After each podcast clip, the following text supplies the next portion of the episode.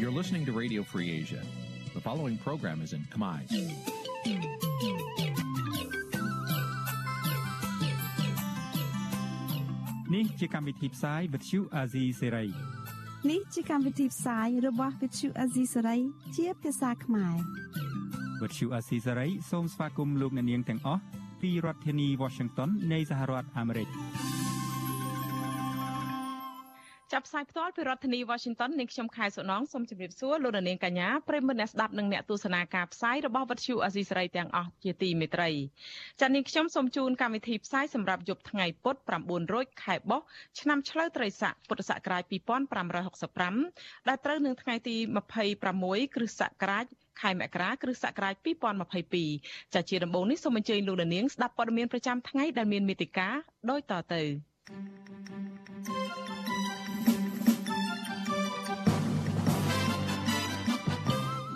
ពលរដ្ឋអះអាងថាទាហានឈុតខ្មៅថៃជាង30នាក់ចូលដុតស្ពានឈើមួយកន្លែងនៅខេត្តបៃលិនមន្ត្រីបាក់ភ្លើងទៀនចោតប្រកាន់ថាអភិបាលស្រុកសាលាក្រៅខេត្តបៃលិនបញ្ជាអាជ្ញាធរទៅដកស្លាកគណៈបកភ្លើងទៀនសាលាឧទ្ធរក៏ហៅតំណាងសហគមន៍លពីង8នាក់ចូលបំភ្លឺរឿងសមមុខភាពកិច្ចព្រមព្រៀងជាមួយក្រុមហ៊ុន KDC ប្រជានេសាទនៅតំបន់ទន្លេមេគង្គបារម្ភពីករណីត្រីកម្រជិតផុតពូជដោយសារតែបទល្មើសនេសាទរួមនឹងព័ត៌មានផ្សេងៗមួយចំនួនទៀតចាជាបន្តទៅនេះនាងខ្ញុំខែសុណងសូមជូនព័ត៌មានទាំងនេះពឺស្ដាចាលោករនាងជាទីមេត្រីមន្ត្រីគណៈបកភ្លើងទៀនចោតប្រកាន់អភិបាលស្រុកសាលាក្រៅនៃខេត្តបៃលិនថាបានបញ្ជាឲ្យអាជ្ញាធរមូលដ្ឋាននិងកងកម្លាំងសមត្ថកិច្ចទៅដក ស្លាកគណៈបកភ្លើងទៀនដែលទើបបានលើកនៅខាងមុខផ្ទះសកម្មជនគណៈបកនេះកាលពីព្រឹកថ្ងៃទី26ខែមករានេះចាទោះជាយ៉ាងណាអភិបាលស្រុកដែលរងការចោទប្រកាន់នេះឆ្លើយតបថាលោកមិនបានដឹងរឿងនេះទេនិងប្រមានប្តឹងតបវិញចំពោះការចោទប្រកាន់បែបនេះចាលោកនាងនឹងបានស្ដាប់សេចក្តីរាយការណ៍នេះពុស្ដានៅពេលបន្តិចទៀតនេះ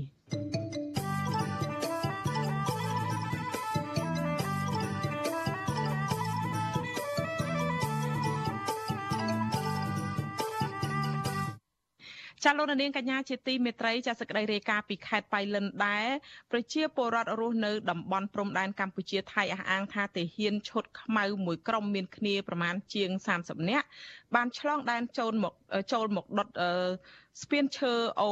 ឆ្លងអូមួយកន្លែងស្ថិតនៅក្នុងខេត្តនេះកាលពីថ្ងៃទី23និងថ្ងៃទី24ខែមករាដោយមិនមានអាជ្ញាធរខ្មែរអើពើទៅរៀបរៀងក្រុមទាហានថៃទាំងនោះឡើយមន្ត្រីសង្គមស៊ីវិលជំរុញឲ្យរដ្ឋាភិបាលប្រញាប់ចាត់វិធានការបែបការទូតដើម្បីកុំឲ្យទាហានថៃចេះតែរំលោភដែនអធិបតេយ្យកម្ពុជាតាមតែអំពើចាប់តទៅទៀតចាប់ពីរដ្ឋធានី Washington លោកជាតិចំណានរាយការណ៍ព័ត៌មាននេះ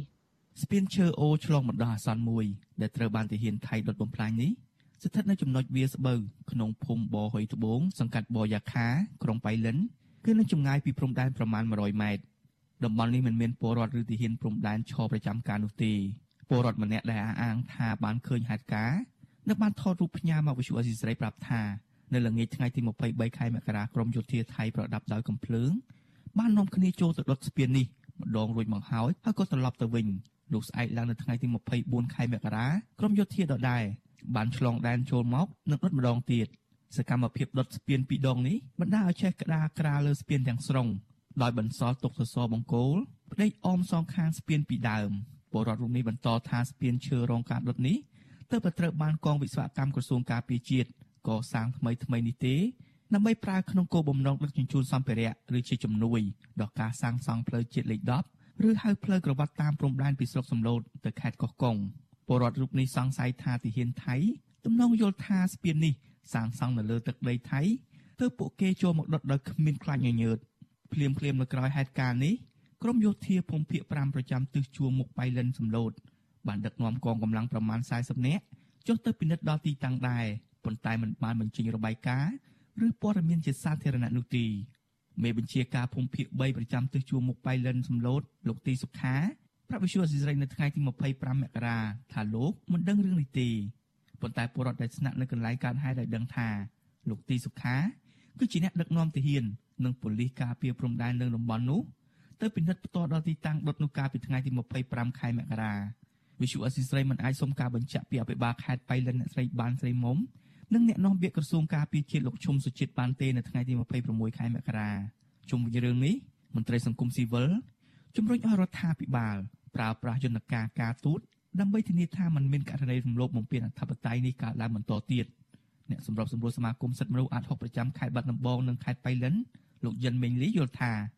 ក្នុងករណីមានទាហានថៃចូលមកដុតបំផ្លាញស្ពានឈើនេះជាការពិតមែននោះអាជ្ញាធរមូលដ្ឋានមិនគួរលាក់បាំងនោះទេនឹងត្រូវរាយការណ៍ជាបន្ទាន់ដើម្បីឲ្យរដ្ឋាភិបាលអាចប្រើប្រាស់យន្តការការទូតបាន។ អាញាធរកម្ពុជាក៏បីមានចំណាត់ការមួយតាមផ្លូវច្បាប់ដើម្បីឲ្យខាងកម្លាំងយោធាថៃក៏ដូចជាអាញាធរថៃធ្វើការបំភ្លឺតបមកវិញអំពីមូលហេតុនាំឲ្យចូលមកបំផ្លាញទ្រព្យសម្បត្តិរបស់កម្ពុជាហើយបើសិនជាទឹកដីនោះมันច្បាស់លាស់យើងក៏អត់ត្រូវធ្វើចឹងដែរតែបើសិនជាទឹកដីនោះក្រោមអំណាចរបស់ប្រទេសកម្ពុជាអាហ្នឹងគឺជាការរំលោភទៅលើអធិបតេយ្យរបស់ប្រទេសកម្ពុជាហើយរយៈពេលច្រើនឆ្នាំមកនេះនេះជាលើកដំបូងហើយ ដែលទាហានឈុតខ្មៅត្រូវបានប្រជាពលរដ្ឋអះអាងថាចូលទៅដុតបំផ្លាញស្ពានឈើក្នុងទឹកដីខ្មែរក្បែរព្រំដែនថៃកាលពីឆ្នាំ2013មានករណីទាហានឈុតខ្មៅថៃមួយក្រុមចូលមកដេញប្រជាពលរដ្ឋខ្មែរមួយគ្រួសារមិនឲ្យដាំដំឡូងមីនៅលើផ្ទៃដី5ហិកតាដែលស្ថិតនៅចំណុចទួលរំដេងចន្លោះបង្គោលព្រំដែនលេខ65និងបង្គោលលាក់លេខ67ក្នុងសង្កាត់បតាំងស៊ូក្រុងបៃលិនពលរដ្ឋដែលបានឃើញហេតុការណ៍ដុតស្ពាននេះ ក៏ស្នើសុំទៅអាជ្ញាធរនិងរដ្ឋាភិបាលឲ្យចុះពិនិត្យនិងដោះស្រាយបញ្ហានេះឲ្យបានឆាប់រហ័សពីព្រោះប្រសិនបើអាជ្ញាធរមូលដ្ឋានលាក់បាំងពីព័ត៌មាននេះធ្វើឲ្យកម្ពុជាអាចនឹងបាត់បង់ទឹកដីហើយបណ្ដាលឲ្យកើតមានជាបញ្ហាធំនៅថ្ងៃខាងមុខខ្ញុំបាទជាចំណាន Visual Society ពីរដ្ឋធានី Washington ចាលោកនាងកញ្ញាជាទីមេត្រីចាអង្គើឃាតកម្មទៅលើមន្ត្រីជាន់ខ្ពស់គណៈបកហ្វុនស៊ិនប៉ិចកាលពី25ឆ្នាំមុននោះត្រូវបានលាតត្រដាងហើយអតីតមន្ត្រីជាន់ខ្ពស់ប៉ូលីសមួយរូបដែលនិរទេសខ្លួនទៅក្រៅប្រទេសបានអះអាងថាលោកបានដឹងរឿងរ៉ាវអំពីការបាញ់សម្លាប់លោកហូសុកដែលជារដ្ឋលេខាធិការក្រសួងមហាផ្ទៃផងនោះតែការបាញ់សម្លាប់លោកហូសុកមន្ត្រីជាន់ខ្ពស់គណៈបកហ្វុនស៊ិនប៉ិចនេះ អ្នកណាជាអ្នកបញ្ជាចាសូមលោកនាងរងចាំទស្សនារងចាំស្ដាប់បទសម្ភាសអំពីបញ្ហានេះរវាងលោកជុនច័ន្ទបតជាមួយលោកងួនសឿជាអតីតអគ្គស្នងការរងនគរបាលជាតិអំពីបញ្ហានេះនៅពេលបន្តិចទៀតនេះចា៎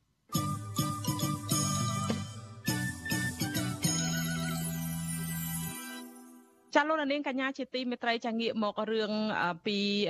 ការបង្កើត កែសម្រួលច្បាប់ចរាចរណ៍ថ្មីវិញមន្ត្រីសង្គមស៊ីវិលស្នើសុំរដ្ឋាភិបាលពិភាក្សាជាមួយដៃគូពាក់ព័ន្ធទាំងអស់ឲ្យបានគ្រប់ជ្រុងជ្រោយមុននឹងចាប់ផ្ដើមបង្កើតច្បាប់ចរាចរណ៍ផ្លូវគោកថ្មី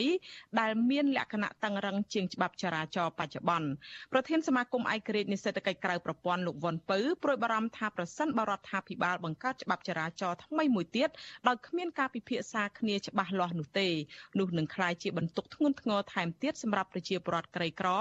ជាពិសេសក្រុមអ្នកគ្មានប្រាក់ឈ្នួលទៀងទាត់ឬអ្នកប្រកបរបរសេដ្ឋកិច្ចក្រៅប្រព័ន្ធចាលោកបន្តថាស្ថានភាពបច្ចុប្បន្នរដ្ឋាភិបាលគួររកយន្តការថ្មីយ៉ាងណាឲ្យសមត្ថកិច្ចអនុវត្តច្បាប់ចរាចរណ៍ផ្លូវគោកបច្ចុប្បន្នឲ្យមានប្រសិទ្ធភាពខ្ពស់ដូចជាការចាប់ផាកពិន័យត្រូវធានាថាធ្វើឡើងដោយស្មើភាពគ្នា ការហាមឃាត់រថយន្តធុនធំកុំឲ្យបើកចូលក្រុង ការសម្រួលចរាចរណ៍តាមដងផ្លូវកុំឲ្យកកស្ទះជាដើមការលើកឡើងនេះគឺក្រោយពេលដែលប្រធានគណៈកម្មាធិការចរាចរណ៍ផ្លូវលូវគោកគឺរដ្ឋមន្ត្រីក្រសួងមហាផ្ទៃលោកសខេងបានលើកឡើងកាលពីថ្ងៃទី25ខែមករាម្សិលមិញថានៅពេលឆាប់ឆាប់ខាងមុខនេះលោកនឹងដឹកនាំការពិនិត្យរៀបចំច្បាប់ចរាចរណ៍ថ្មីមួយទៀតដែលច្បាប់នោះនឹងមានលក្ខណៈតឹងរឹងជាងច្បាប់ចរាចរណ៍នាពេលបច្ចុប្បន្ននេះលោកបញ្ជាក់ថាមូលហេតុដែលត្រៀមធ្វើច្បាប់ថ្មីនោះគឺដោយសារតែច្បាប់ចរាចរណ៍បច្ចុប្បន្នមានច្រើនមាត្រាពេកដែលមិនអាចធ្វើវិសោធនកម្មបាន។ ទន្ទឹមនឹងការបង្ត្រៀមបង្កើតច្បាប់ចរាចរណ៍ថ្មីនេះលោកសខេងបានបង្គាប់ឲ្យមន្ត្រីនគរបាលចរាចរណ៍ផ្លូវគោកអនុវត្តច្បាប់ និងវិធានការច្បាប់បច្ចុប្បន្ននេះឲ្យបានតឹងរឹងក្រោយពេលលោកសង្កេតឃើញថានៅមានប្រជាពលរដ្ឋមួយចំនួនមិនទាន់គោរពច្បាប់ចរាចរណ៍នោះក្រៅពីច្បាប់ចរាចរណ៍ផ្លូវគោកដែលមានច្រើនមាត្រាមិនអាចវិសោធនកម្មបានហើយនោះរដ្ឋាភិបាលបានចេញអនុក្រឹត្យបន្ថែមពីការពិន័យអ្នកបើកបរម៉ូតូនិងរថយន្តចំនួន16ចំណុចថែមទៀតដែរដែលមានការពិន័យទាបបំផុតគឺចាប់ពី60000រៀលឬប្រហែល15ដុល្លារដល់4លានរៀលឬប្រមាណ1000ដុល្លាររបាយការណ៍ប្រចាំឆ្នាំ2021បង្ហាញថាគ្រោះថ្នាក់ចរាចរណ៍បានថយចុះជាង500ករណីឬស្មើនឹង16%បើប្រៀបធៀបទៅនឹងឆ្នាំ2020ចំណែកអ្នកស្លាប់និងអ្នករងរបួសក៏ថយចុះដែរគឺស្លាប់ជាង100នាក់និងរបួសថយជាង1000នាក់ ប៉ុន្តែក្រុមអ្នកឃ្លាំមើលថាការថយចុះនៃគ្រោះថ្នាក់ចរាចរណ៍នេះបណ្ដាលមកពីស្ថានភាពការរាតត្បាតជំងឺ Covid-19 ដែលធ្វើឲ្យប្រជាពលរដ្ឋផ្អាកការធ្វើដំណើរចំណែកពលរដ្ឋក៏នៅមិនទាន់យល់ដឹងអំពីច្បាប់ចរាចរណ៍អ្វីដែរគឺពួកគាត់ខ្លាចតែប៉ូលីសចរាចរណ៍ចាប់ហាក់ពិន័យតែប៉ុណ្ណោះ។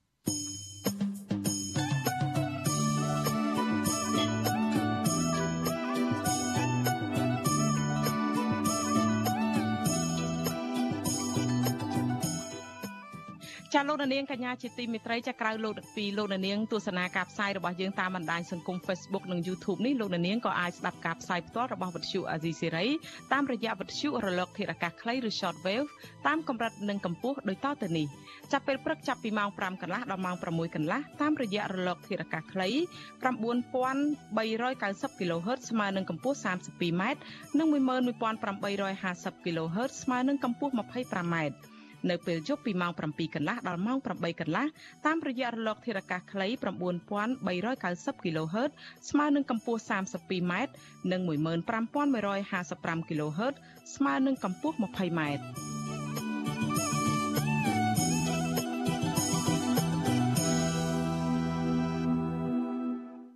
ចាលោកនាងកញ្ញាជាទីមេត្រីចាងាកមកសេចក្តីរាយការណ៍អំពីការលើកស្លាករបស់គណៈបកភ្លើងទៀនឯនេះវិញមន្ត្រីគណៈបកនេះចោទប្រកាន់អភិបាលស្រុកសាឡាក្រៅនៃខេត្តបៃលិនថាបានបញ្ជាឲ្យអាជ្ញាធរមូលដ្ឋាននិងកម្លាំងសមត្ថកិច្ចទៅដកស្លាកគណៈបកភ្លើងទៀនដែលទើបបានលើកនៅមុខផ្ទះសកម្មជនគណៈបកនេះនៅព្រឹកថ្ងៃទី26ខែមករា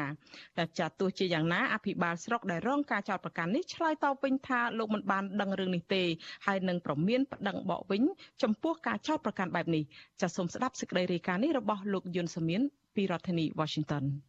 គណៈបកភ្លើងទៀនខេត្តបៃលិនបានដឹងថាអភិបាលស្រុកសាលាក្រៅខេត្តបៃលិនលោកសំសារ៉េតបានបញ្ជាអាជ្ញាធរឲ្យទៅដកស្លាកគណៈបកភ្លើងទៀនដែលទើបលើកនៅមុខផ្ទះសកម្មជនគណៈបកនេះនៅភូមិផ្សារព្រំជើងឃុំស្ទឹងកាច់ស្រុកសាលាក្រៅ ប្រពន្ធដដែលឲ្យដឹងទៀតថាលោកអភិបាលក៏បានបញ្ជាមេភូមិមេឃុំឲ្យទៅដកស្លាកគណៈបកភ្លើងទៀនមួយកន្លែងទៀតនៅភូមិភ្នំគុយក្នុងឃុំស្រុកដដែលប៉ុន្តែត្រូវសកម្មជនគណៈបកភ្លើងទៀនបញ្ឈប់ទាន់ពេលប្រធានគណៈបកភ្លើងទៀនខេត្តបៃលិនលោកខមនីកុសលឲ្យវិទ្យុអសីសេរីដឹងថា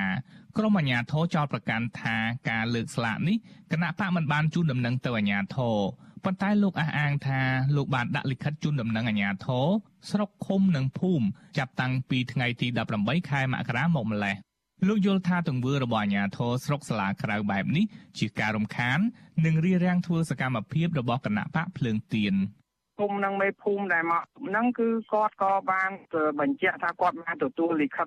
ជូនដំណឹងរបស់ខ្ញុំហើយប៉ុន្តែអត់មានលិខិតអនុញ្ញាតពីថ្នាក់លើគាត់និយាយចឹងខ្ញុំគិតថាគឺគាត់មានចេតនារារាំងរំខានចឹងតែម្ដងហ្នឹងហើយដោយគាត់មិនគោរពច្បាប់គោរពការណែនាំបាទទោះបីជាយ៉ាងណាលោកខមនីកុសលបានឲ្យដឹងថាក្រុមការងារគណៈបកនាំគ្នាទៅលើកស្លាកគណៈបកភ្លើងទៀន ដែលមានទីតាំងនៅភូមិសាព្រំជើងឃុំស្ទឹងកាច់ស្រុកសាលាក្រៅវិញហើយក្រោយពីអាជ្ញាធរបានដកកាលពីព្រឹកមិញនេះអាជ្ញាធរដកស្លាកគណៈបកភ្លើងទៀនធ្វើឡើងបន្ទាប់ពីរដ្ឋមន្ត្រីក្រសួងមហាផ្ទៃលោកសខេងរំលឹកទៅអាជ្ញាធរត្រូវប្រកាន់នៅចំហអព្យាក្រឹតគ្រប់គណៈបកនយោបាយនិងមានភារកិច្ចការពារគណៈបកនយោបាយដោយមិនបែងចែកនិងប្រកាន់ក្នុងការចូលរួមប្រកួតប្រជែងក្នុងការបោះឆ្នោតឃុំសង្កាត់នាពេលខាងមុខ ឆ្លើយតបទៅនឹងការចោទប្រកាន់នេះអភិបាលស្រុកសាលាក្រៅខេត្តបៃលិនលោកសំសរ៉េតឆ្លើយតបថាលោកមិនបានដឹកនាំមិនបានដឹងថាក្រុមណា ដែលទៅដកស្លាកនេះទេទោះបីជាយ៉ាងណាលោកចោទប្រកាន់ថាក្រុមគណៈបកភ្លើងទៀនមិនបានជូនដំណឹងឲ្យលោកបានដឹងពីការលើកស្លាកនេះឡើយលោកអះអាងថាតាមគោលការណ៍មុនលើកស្លាកគណៈបកនយោបាយត្រូវរងចាំអាជ្ញាធរឆ្លើយតបថាបានទទួលលិខិតជាមុនទើបអាចលើកស្លាកបាន។ អត់ផងគាត់ឲ្យតែភូមិឃុំអីដឹងតែខ្ញុំស្រុកគាត់ឲ្យដឹងផងហើយដល់អញ្ចឹងខ្ញុំអត់ដឹងរឿងអីផងខ្ញុំមិនដឹងថាយ៉ាងម៉េចគាត់ដាក់លិខិតសួរថាខ្ញុំបានទទួលអីដែរបើខ្ញុំមិនដឹងលិខិតនឹងនៅឯណាផងលើសួរថាលិខិតដាក់ទៅបងបងឯងជាអ្នករដ្ឋបាលមួយដែរបើឲ្យយកដាក់លិខិតទៅគេគេចាមួយគេបានទទួលថ្ងៃណាខែណាបានទទួលនៅផ្ទុយពីការលើកឡើងនេះនាយកប្រតិបត្តិអង្គការឃ្លាំមើលការបោះឆ្នោតនៅកម្ពុជាហៅកាត់ថា Netflix លោកសំគុណធាមីមានប្រសាសន៍ថា គ្រប់គណៈបកដែលបានចុះបញ្ជីនៅក្រសួងមហាផ្ទៃរួចហើយការលើកស្លាករបស់គណៈបកនយោបាយណាមួយគឺគ្រាន់តែជូនដំណឹងទៅអាជ្ញាធរគឺគ្រប់គ្រាន់ហើយលោកយល់ថាក្រសួងមហាផ្ទៃគួរមានវិធានការលើសមត្ថកិច្ចដែលបំពេញការងារមិនត្រឹមត្រូវតាមច្បាប់និងការណែនាំរបស់រដ្ឋមន្ត្រីក្រសួងមហាផ្ទៃបាទអាហ្នឹងគេគាត់ជូនដំណឹងទៅហើយគេរៀបចំលើកខ្លាទៅប៉ុណ្ណឹងបានហើយ រឿងហ្នឹងហើយអញ្ចឹងបានខ្ញុំក៏ចង់ឃើញសម្ដេចក៏ឃើញគាត់អនុវត្តដែរបើគាត់ណែនាំអញ្ចឹងហើយបើមិនព្រមស្ដាប់សូមគាត់ចាត់វិធានការតាមផ្លូវច្បាប់ទេការងាររដ្ឋបាលមានណាបាទចង់ដើម្បីជាជាមេរៀនទៅបណ្ដាគុំផ្សេងផ្សេងទៀតឬក៏ខេត្តផ្សេងទៀតណាបាទគណៈបកភ្លើងទៀនមានឈ្មោះដើមមកពីគណៈបកជាតិខ្មែរបន្ទាប់មកបដូរឈ្មោះមកជាគណៈបកសំរងស៊ី តែត្រូវបានបង្កើតឡើងដោយលោកសំរងស៊ីកាលពីឆ្នាំ1995គណៈបកនេះចាប់ផ្ដើមធ្វើសកម្មភាពនយោបាយឡើងវិញកាលពីចុងឆ្នាំ2021ក្រោយរដ្ឋាភិបាលរំលាយគណៈបកសង្គ្រោះជាតិកាលពីឆ្នាំ2017ចាប់តាំងពីគណៈបកភ្លើងទៀននេះធ្វើសកម្មភាពនយោបាយនិងលើកស្លាករបស់ខ្លួនមក សកម្មជនគណៈបកនេះត្រូវអាជ្ញាធរចាប់ខ្លួន និងសកម្មជនមួយចំនួនទៀតរងការប្រមានពីគណៈបកកណ្ដាលអំណាច ក្រៅពីនេះអាជ្ញាធរនិងជនមិនស្គាល់មុខនៅខេត្តសៀមរាបកំពង់ចាមខេត្តកំពត និងចុងក្រោយនៅខេត្តបៃលិន បានរំខានការលើកស្លាកគណៈបកនិងបំផ្លាញស្លាកគណៈបកប្រធានស្ដីទីគណៈបកភ្លើងទៀនលោកថៃសេដ្ឋាឲ្យដឹងថាប្រសិនបើគណៈបកភ្លើងទៀនបន្តជួបបញ្ហាបែបនេះតទៅទៀតគណៈបកភ្លើងទៀននឹងដាក់លិខិតទៅក្រសួងមហាផ្ទៃដើម្បីស្នើអន្តរាគមន៍ខ្ញុំយុនសាមៀនពុទ្ធជអាស៊ីសេរីពីរដ្ឋធានី Washington ចាលោកនាងកញ្ញាជាទីមេត្រីចាអង្គការជាតិនិងអន្តរជាតិដែលឃ្លាំមើលអំពើពុករលួយនៅតែរកឃើញថាមកដល់ពេលនេះកម្ពុជានៅតែជាប់លេខបាតតារាងនៅឡើយខាងប្រព្រឹត្តអំពើពុករលួយដែលអាក្រក់ជាងគេនៅក្នុងតំបន់អាស៊ានសង្គមស៊ីវិលព្រួយបារម្ភថាប្រសិនបើកម្ពុជានៅតែបន្តជាប់ឈ្មោះមិនល្អខាងអំពើពុករលួយនេះបន្តទៀតបញ្ហានេះនឹងក្លាយទៅជាឧបសគ្គធំប៉ះពាល់ដល់ការរស់នៅរបស់ប្រជាពលរដ្ឋនិងការអភិវឌ្ឍសង្គមជាតិតើអំពើពុករលួយនាដំណាក់កាលចុងក្រោយនេះមានស្ថានភាពបែបណាហើយវាបានចាក់ឫសជ្រៅបែបណានៅក្នុងសង្គមកម្ពុជាចាសសូមលោកនាងរងចាំស្ដាប់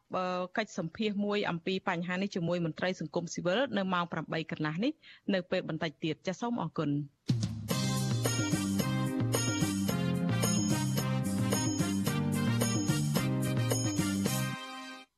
ចាលោកនាងកញ្ញាជាទីមេត្រីចាងាកមករឿងការរីករាលដាលនៃជំងឺ Covid-19 វិញកម្ពុជារកឃើញអ្នកឆ្លងជំងឺ Covid-19 ចំនួន22អ្នកបន្ថែមទៀតជាប្រភេទមេរោគបំផ្លែងថ្មីអូមីក្រុងទាំងអស់ក្នុងនោះគឺ17អ្នកឆ្លងនៅក្នុងសហគមន៍និង5អ្នកជាករណីនាំចូលពីក្រៅប្រទេសក្រសួងសុខាភិបាលប្រកាសថាគិតត្រឹមព្រឹកថ្ងៃទី26ខែមករានេះកម្ពុជាមានអ្នកកើតជំងឺ Covid-19 ជាង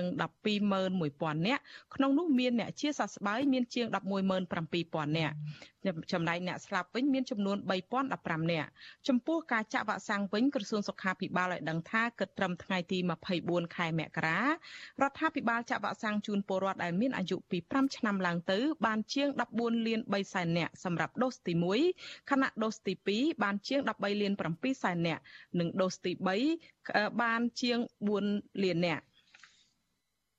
ចាលោកនាងជាទីមេត្រីចាតកតងទៅនឹងការរីករាលដាលនៃជំងឺ Covid-19 នេះដែរ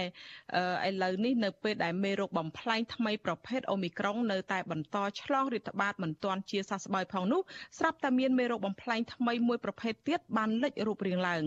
មេរោគបំផ្លែងថ្មីនេះបានឆ្លងដល់រាប់សិបប្រទេសនៅលើពិភពលោកនិងជាង20រដ្ឋនៅសហរដ្ឋអាមេរិក តើមេរោគបំផ្លាញថ្មីនេះផ្ដល់ភាពគ្រោះថ្នាក់ប៉ុណ្ណានិងមានវិធានការអ្វីខ្លះដើម្បីទប់ស្កាត់វាចាសសូមលោកនាងរងចាំទស្សនាស្ដាប់សេចក្តីរាយការណ៍ផ្ទាល់របស់អ្នករាយការណ៍ព័ត៌មានរបស់យើងគឺលោកមួងណារ៉េតអំពីរឿងនេះនឹងការវិវត្តថ្មីនៃស្ថានភាពជំងឺ Covid-19 នៅក្នុងការផ្សាយរបស់យើងនៅពេលបន្តិចទៀតនេះចា៎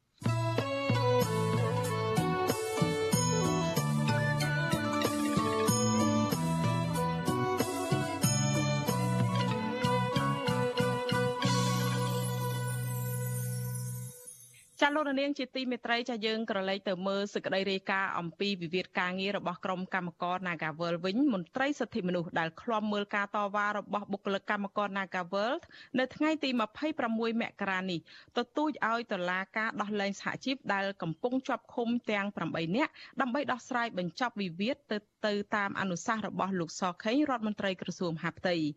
នាយកប្រតិបត្តិនៃអង្គការសម្ព័ន្ធភាពការ ងារការពារសិទ្ធិមនុស្សហៅកាត់ថាច្រាក់លោករស់សុថាថ្លែងនៅចំពោះមុខក្រុមកោតក្រថាដើម្បីដោះស្រាយបញ្ចប់វិវាទនេះតុលាការចាំបាច់ត្រូវដោះលែងតំណាងសហជីពទៅតាមការទាមទាររបស់កោតក្រដើម្បីឲ្យពួកគេបានវិលចូលតុចរចាជាមួយភាគីក្រុមហ៊ុនលោកថាការដោះលែងតំណាងសហជីពទាំង8នាក់បង្ហាញថាអាញាធរនិងភាគីពាក់ព័ន្ធឆ្លើយតបទៅនឹងការអំពាវនាវរបស់លោកសខេង។ តាមរយៈសារព័ត៌មានគឺបានគឺសម័យសុខេងបានជិះនោះដែលជួយធ្វើអន្តរាគមឲ្យភាគីទំនាស់ថាងាកមករកការចរចាគ្នាខ្ញុំគិតថាល្អត្រឹមត្រូវខ្ញុំយើងខ្ញុំគ្រប់គ្រងនៅកម្រិតតាមរបស់សម្ដេចប៉ុន្តែអ្វីដែលយើងត្រូវដោះស្រាយយើងឃើញថាការដោះស្រាយងាយស្រួលទេវាអត់ជាលំបាកទេប៉ុន្តែបញ្ហាដែលយើងធ្វើឲ្យវាកាន់តែធំគឺបានចាប់នៅទៅហើយទៅ ហើយថាមានដំណងគាត់ទៅដាក់ពុទ្ធទៅតុលាការហើយពីការកាត់ទោសជាប់ពុទ្ធនីតិទៅទៀតណាអានេះធ្វើឲ្យបញ្ហានេះធ្ងន់កាន់តែពិបាកដោះឥឡូវរដ្ឋាភិបាលពិបាកដោះហ្នឹងហើយ ចាលោកសខេរដ្ឋមន្ត្រីក្រសួងមហាផ្ទៃកាលពីថ្ងៃទី25ខែមករាម្សិលមិញបានអំពាវនាវឲ្យភាគីទាំងអស់ដោះស្រាយវិវាទការងារនៅក្រុមហ៊ុន Nagavel ដោយសន្តិវិធីលោកស្នើឲ្យក្រសួងការងារនិងអាជ្ញាធរពាក់ព័ន្ធទាំងអស់រក្សាភាពអត់ធ្មត់និងសម្របសម្រួលករណីនេះឲ្យបានឆាប់ ក្រុមកោតក្រដែលជាបុគ្គលិកកម្មករនៅក្រុមហ៊ុនបនលបែង Nagavel ប្រមាណ1000នាក់បន្តធ្វើកោតកម្មអហិង្សាចូលដល់ថ្ងៃទី40ហើយពួកគេនាំគ្នាអង្គុយស្មឹងស្មាតសមាធិដោយបន្តស្នើសុំឲ្យដោះលែងតំណាងសហជីព8នាក់ឲ្យមានសេរីភាពដើម្បីឲ្យចូលទៅចរចាជំនួសមុខឲ្យកម្មករឡើងវិញចានៅថ្ងៃដដែលនេះមន្ត្រីក្រសួងការងារបន្តចាក់ខ្សែអាត់សម្លេងអំពីខ្លឹមសារលិខិតរបស់ក្រសួងអញ្ជើញកោតក្រឬតំណាងកម្មករឲ្យចូលទៅចរចាតាមលក្ខខណ្ឌមួយចំនួនដែលមិនទាន់ឯកភាពគ្នាទោះជាយ៉ាងណាក្រុមកម្មករនៅតែរក្សាជំហរដដែលថាពួកគេទុកភារកិច្ចចរចាទៅឲ្យតំណាងសហជីពទាំង8នាក់ហើយការចាប់ខ្លួនអ្នកទាំង8នាក់នេះបង្ហាញថាអាញាធរផ្អៀងទៅខាងភៀកគីក្រុមហ៊ុន ដែលមានលុយមិនបានយកចិត្តទុកដាក់ចំពោះកម្មករដែលទាមទារដើម្បីយុត្តិធម៌និងឆ្នាំងបាយរបស់ពួកគាត់ឡើយ។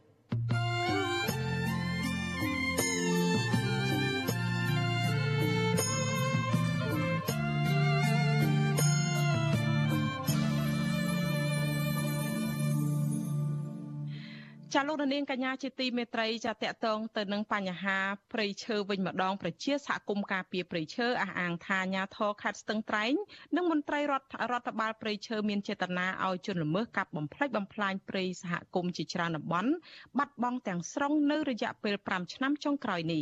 ការលើកឡើងនេះគឺក្រោយពេលដែលព្រៃសហគមន៍យ៉ាងហោចណាស់4កន្លែងកំពុងឈានទៅរកការបាត់បង់ទាំងស្រុងដោយគ្មានការទទួលខុសត្រូវចាប់ពីរដ្ឋធានី Washington អ្នកស្រីម៉ៅសុធានីរាយការណ៍អំពីរឿងនេះ ប្រជាសហគមន៍រស់នៅស្រុកថ្លាបរិវត្តខេត្តតឹងត្រែងស្ដាយស្រណោះប្រិយសហគមន៍4កន្លែងដែលជាកន្លែងប្រមូលអនុផលប្រៃឈើយ៉ាងសំខាន់របស់ជនជាតិដើមភាគតិចបានคล้ายជាវារហោស្ថាននឹងដីចំការហើយគ្រប់គ្រងជាកម្មសិទ្ធិឯកជនអស់ស្ទើរតែទាំងស្រុង។ អ្នកភូមិចាត់ទុកការបាត់បង់ព្រៃអភិរក្សទាំងនេះជាចេតនាទាំងស្រុងរបស់មន្ត្រីរដ្ឋបាលព្រៃឈើនិងអាជ្ញាធរមូលដ្ឋានខេត្តតឹងត្រែងដែលមិនចង់រក្សាព្រៃឲ្យគង់វង្សព្រោះតែផលប្រយោជន៍ផ្ទាល់ខ្លួន។ ជនជាតិដើមភាគតិចរស់នៅស្រុកថាឡាបរិវត្តលោកថាន់វ៉នប្រាប់វិទ្យុអសីស្រីនៅថ្ងៃទី26ខែមករាថាចេតនារបស់អាជ្ញាធរនិងមន្ត្រីរដ្ឋបាលប្រៃឈើគឺមិនចង់ទុកឲ្យព្រៃគង់វង្សដើម្បីឲ្យប្រជាប្រដ្ឋអាស្រ័យផលនោះទេគឺពួកគេតែងតែបណ្ដាច់បណ្ដោយឲ្យប្រដ្ឋលបកាប់ទន្ទ្រាន និងទិញលក់បែបអនាធិបតេយ្យដោយមានអាជ្ញាធរមូលដ្ឋានចុះហត្ថលេខាធ្វើពាក្យស្នើសុំកាន់កាប់ដីធ្លី។ លោកបន្តថាប្រិយសហគមន៍ភូមិបន្លុងក្រមួនដែលមានផ្ទៃដីជិត1000ហិកតាបានរលាយទាំងស្រុងនៅរយៈពេលជាង5ឆ្នាំចុងក្រោយនេះលោកបញ្ជាក់ថាបច្ចុប្បន្នប្រិយសហគមន៍នេះបានคล้ายជាវារហោស្ថានចំនួនមុខវិញដោយតំណាំដំឡូងមីស្រូវនិងស្វាយចន្ទីជាដើម ការពារព្រៃឈើឬបរិស្ថាននៃព្រៃអីព្រមទាំងអាជ្ញាធរដែនដីគិតចិនខ្លាំងឬអត់មានធ្វើសកម្មភាពអីការពារព្រៃឈើទេឬអត់មានឃើញអន្តរាគមអីទេសំបីតែតឡាការក៏មិនឈឺឆ្អើនឹងពាក្យបណ្ដឹងអស់ខ្ញុំដែរចាស់តែពេលសហគមន៍ឥឡូវវាខ្លាយក៏ជាវាឡើយ ជនជាដើមភេតិចគួយម្នាក់ទៀតរស់នៅឃុំមលងភេស្រុកថាឡាបរវត្តគឺលោកអុកម៉ៅថ្លែងថាប្រិយសហគមន៍ភូមិឈើទាប្រះក៏កំពុងឈានត្រការបាត់បង់ទាំងស្រុងដែរដោយគ្មានការស៊ើបអង្កេតរកអ្នកពាក់ព័ន្ធមកផ្ដន្ទាទោសតាមច្បាប់នៅឡើយលោកបញ្ជាក់ថាក្នុងពេលចូលទៅកាន់តំណែងអាជ្ញាធរខេត្តស្ទឹងត្រែងនិងមន្ត្រីរដ្ឋបាលប្រឈើតែងតែបដិញ្ញាចិត្ត ឋាននឹងការពៀប្រឈើឲ្យគង់វង្សប៉ុន្តែការអនុវត្តជាក់ស្ដែង គឺផ្ទុយស្រឡះទាំងស្រុងប្រៃសហគមន៍ជាទីព្រឹងហ្នឹងអស់ទាំងស្រុងហើយបាទវា600 664ហ្នឹងសពហើយជាសពហើយជាចាំងច្រើនដល់ហាត់ទេ កាលពីថ្ងៃទី24ខែមករាកន្លងទៅអភិបាលរងខេត្តតឹងត្រែងលោកដួងពៅនិងមន្ត្រីជំនាញរដ្ឋបាលព្រៃឈើបានចុះពិនិត្យព្រៃសហគមន៍ឈើទាប្រះត្រូវបានជន់ល្មើសលួចកាប់ទន្ទ្រានអស់រាប់រយហិកតាហើយនឹងកាប់ឈើដែលមានតម្លៃអស់ជាច្រើនដើមអភិបាលរងខេត្តតឹងត្រែងលោកដួងពៅបានប្រាប់ប្រជាសហគមន៍ថាមន្ត្រីរដ្ឋបាលប្រជើនឹងស៊ើបអង្កេតតាមចាប់អ្នកពាក់ព័ន្ធមកផ្ដន្ទាទោសតាមច្បាប់ លោកថាអ្នកដែលផ្ដល់ព័ត៌មានមិនពិតតាក់ទិននឹងធនធានធម្មជាតិនេះក៏ត្រូវប្រឈមចំពោះមុខច្បាប់ផងដែរឆ្លើយតបរឿងនេះនាយផ្នែករដ្ឋបាលប្រជើស្រុកថាឡាបរវត្ត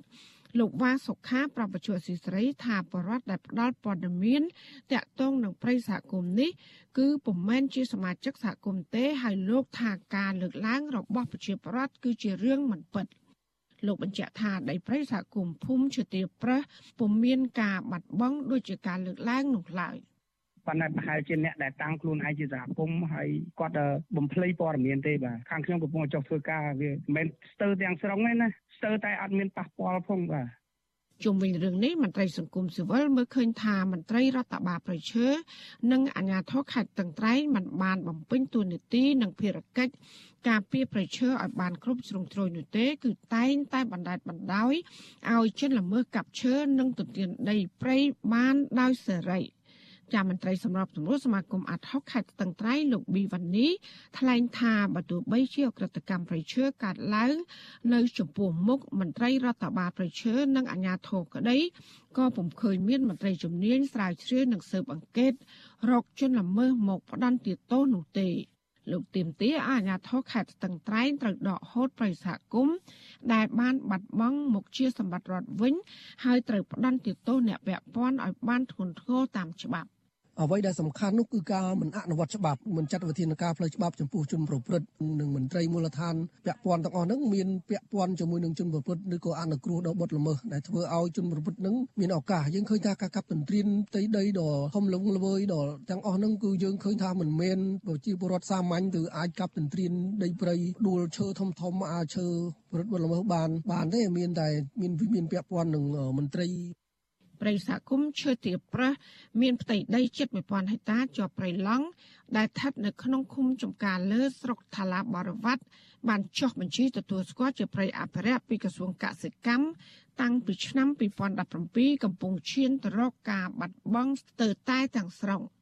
រីឯព្រៃសហគមន៍ភ្នំចម្រុកសัตว์ដែលមានផ្ទៃដីជាង4000ហិកតាស្ថិតនៅក្នុងឃុំសំអាង ក៏ត្រូវបានជន់ល្មើសលួចកាប់ឈើមានតម្លៃអស់ទាំងស្រុងហើយយកដីវាស់ចែកគ្នាគ្រប់គ្រងជាសម្បត្តិឯកជនបច្ចុប្បន្នដែនអភិរក្សនេះបានក្លាយជាវាលរហោស្ថានទាំងស្រុងចំណែកឯប្រទេសសហគមន៍ភ្នំតាម៉ៅមានផ្ទៃដីជិត4000ហិកតាមានភូមិសាស្ត្រជាប់ព្រៃឡង់ដែលស្ថិតនៅក្នុងឃុំកាំងចាមស្រុកថាឡាបរវត្តក៏បានបាត់បង់ទៅតែទាំងស្រុងហើយបច្ចុប្បន្នគឺនៅសេសសល់ព្រៃរិចរិលមិនដល់100ហិកតា មន្ត្រីសង្គមស៊ីវិលបន្ថែមថាអាញាធរមិនបានអនុវត្តឲ្យបានត្រឹមត្រូវបើទោះបីជាបរដ្ឋបានរាយការណ៍និងបង្ហាញភ័ស្តុតាងជាច្រើននោះក្តីចាននាងខ្ញុំម៉ៃសុធានីវិទ្យុអាស៊ីស្រីប្រធានាធិបតី Washington ចាលោកនាងកញ្ញាជាទីមេត្រីចាលោកនាងកំពុងស្ដាប់នឹងទស្សនាការផ្សាយរបស់វិទ្យុអាស៊ីសេរីផ្សាយចេញពីរដ្ឋធានី Washington នៃសហរដ្ឋអាមេរិកអំពើឃាតកម្មលើមន្ត្រីជាន់ខ្ពស់គណៈបកហ្វុនស៊ិនប៉ាច់កាលពី25ឆ្នាំមុននោះត្រូវបានលាតត្រដាងហើយ អតីតមន្ត្រីជាន់ខ្ពស់ប៉ូលីសមួយរូបដែលនិរទេសខ្លួនទៅក្រៅប្រទេសអះអាងថាលោកបានដឹងរឿងរ៉ាវអំពីការបាញ់សម្លាប់លោកហូសុកដែលជារដ្ឋលេខាធិការក្រសួងមហាផ្ទៃផងនោះតើការបាញ់សម្លាប់លោកហូសុកមន្ត្រីជាន់ខ្ពស់គណៈបកហ្វុនស៊ិនពេជ្រនេះអ្នកណាជាអ្នកបញ្ជាចាសសូមលោកនាងរងចាំស្ដាប់បទសម្ភាសន៍រវាងលោកជុនច័ន្ទបតជាមួយលោកងួនសឿអតីតអគ្គស្នងការរងនគរបាលជាតិអំពីបញ្ហានេះនៅពេលបន្តិចទៀតចា៎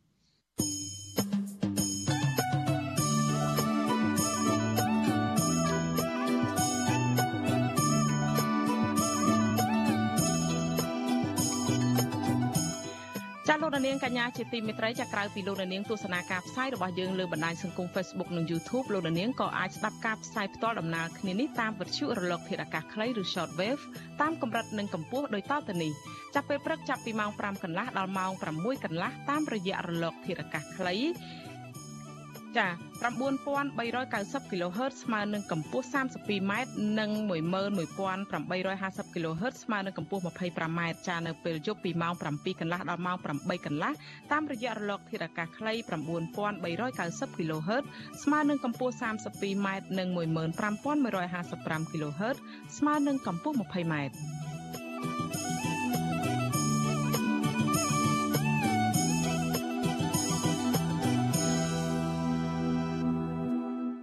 ចាលោកនាងជាទីមេត្រីងាកមករឿងបញ្ហាដីធ្លីវិញម្ដងសាឡាវធររាជធានីភ្នំពេញបង្គាប់ឲ្យតំណាងសហគមន៍លពីង8នាក់ក្នុងនោះមានលោករាជសីមាដែលកំពុងជាប់ឃុំម្នាក់ផងចូលសវនាការនៅថ្ងៃទី26ខែមករា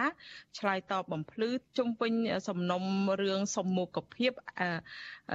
កិច្ចព្រមព្រៀងជាមួយក្រុមហ៊ុន KDC របស់អ្នកស្រីជាខេងភរិយាលោកសុយសែមរដ្ឋមន្ត្រីក្រសួងរ៉ែនិងធម្មពលប៉ុន្តែពលរដ្ឋអះអាងថាពួកគាត់មិនអាចចូលរួមសវនាការនេះបានទេដោយសារតែពួកគាត់ទទួលបាននៃការកោះពីអាជ្ញាធរមូលដ្ឋានបន្ទាន់ពេកតំណាងសហគមន៍ឡពីងលោកស្ងួនញឿនថ្លែងថាប្រធានចៅក្រមជំនុំជម្រះលោកខុនលៀងម៉េងចេញដីកាកោះនេះនៅថ្ងៃទី20ខែធ្នូឆ្នាំ2021ប៉ុន្តែមេភូមិឡពីងលោកដូចប៊ុនហេងប្រគល់ដីកាកោះនោះឲ្យប្រជាពលរដ្ឋនៅថ្ងៃទី25ខែមករាចាំមុនមួយថ្ងៃថ្ងៃចូលសវនាការលោកចាត់ទុកទង្វើរបស់អាជ្ញាធរបែបនេះថាជាចេតនារើសអើងនិងធ្វើបាបពួកគាត់ឲ្យខកខានមិនបានចូលរួមសវនាការតាមកាលកំណត់ព្រោះក្នុងដីកានោះ តុលាការបញ្ជាក់ថាបើពួកគាត់ពុំចូលខ្លួនទេតុលាការទទួលស្គាល់សេចក្តីសំអាងរបស់ភាគីម្ខាងទៀតទុកជាការពិត ហើយសាកសីដែលមិនព្រមចូលខ្លួនត្រូវពិន័យបង់ប្រាក់ចំនួន1លានរៀលឬប្រមាណ250ដុល្លារពន្យូអសីសេរីមិនអាចសុំការឆ្លើយតបរឿងនេះពីមេភូមិឡពីងលោកដូចប៊ុនហេងបាននៅឡើយទេនៅថ្ងៃទី26ខែមករានេះដោយទូរស័ព្ទហៅចូលតែពុំមានអ្នកទទួលពលរដ្ឋដែលដឹងថាស្លាវធរបានចេញដីកាក៏ហៅពួកគាត់ពីរលើកហើយបន្ទាប់ពីលោករាជសីមាត្រូវបានអាជ្ញាធរស្រុកកំពង់ត្រឡាចាប់ខ្លួនហើយបញ្ជូនទៅឃុំនៅពន្ធនាគារខេត្តកំពង់ឆ្នាំងក្នុងចំនួនពាក្យសម្ដីនិងប្រវាយប្រតាប់គ្នាជាមួយអ្នកភូមិម្នាក់ទៀតកាលពីខែវិច្ឆិកាឆ្នាំ2021 ពលរដ្ឋបញ្ជាក់ថាលោករាជសីមាគឺជាមនុស្សសំខាន់ដែលបានទទួលមូលទានល្បាត់គ្មានសាច់ប្រាក់ជិត20000ដុល្លារពីក្រុមហ៊ុនរបស់អ្នកស្រីជាខេងដែលជាភរិយារបស់លោកសុយសែមរដ្ឋមន្ត្រីក្រសួងរាយនឹងធម្មពលជាថ្នូរឲ្យលោកឈប់តវ៉ារឿងដីធ្លីកាលពីឆ្នាំ2014កន្លងទៅពួកគាត់ស្នើសុំឲ្យស្លាវធរចេញដីកាកោះហៅជាថ្មីទៀតហើយអាជ្ញាធរមូលដ្ឋានត្រូវប្រគល់ដីកានោះឲ្យប្រជាពលរដ្ឋទាន់ពេលវេលា ដើម្បីឲ្យពួកគាត់មានពេលវេលាសមរម្យស្វែងរកប្រាក់ ជួលរថយន្តធ្វើដំណើរពីខេត្តកំពង់ឆ្នាំងទៅចូលរួមសវនាការនៅរាជធានីភ្នំពេញ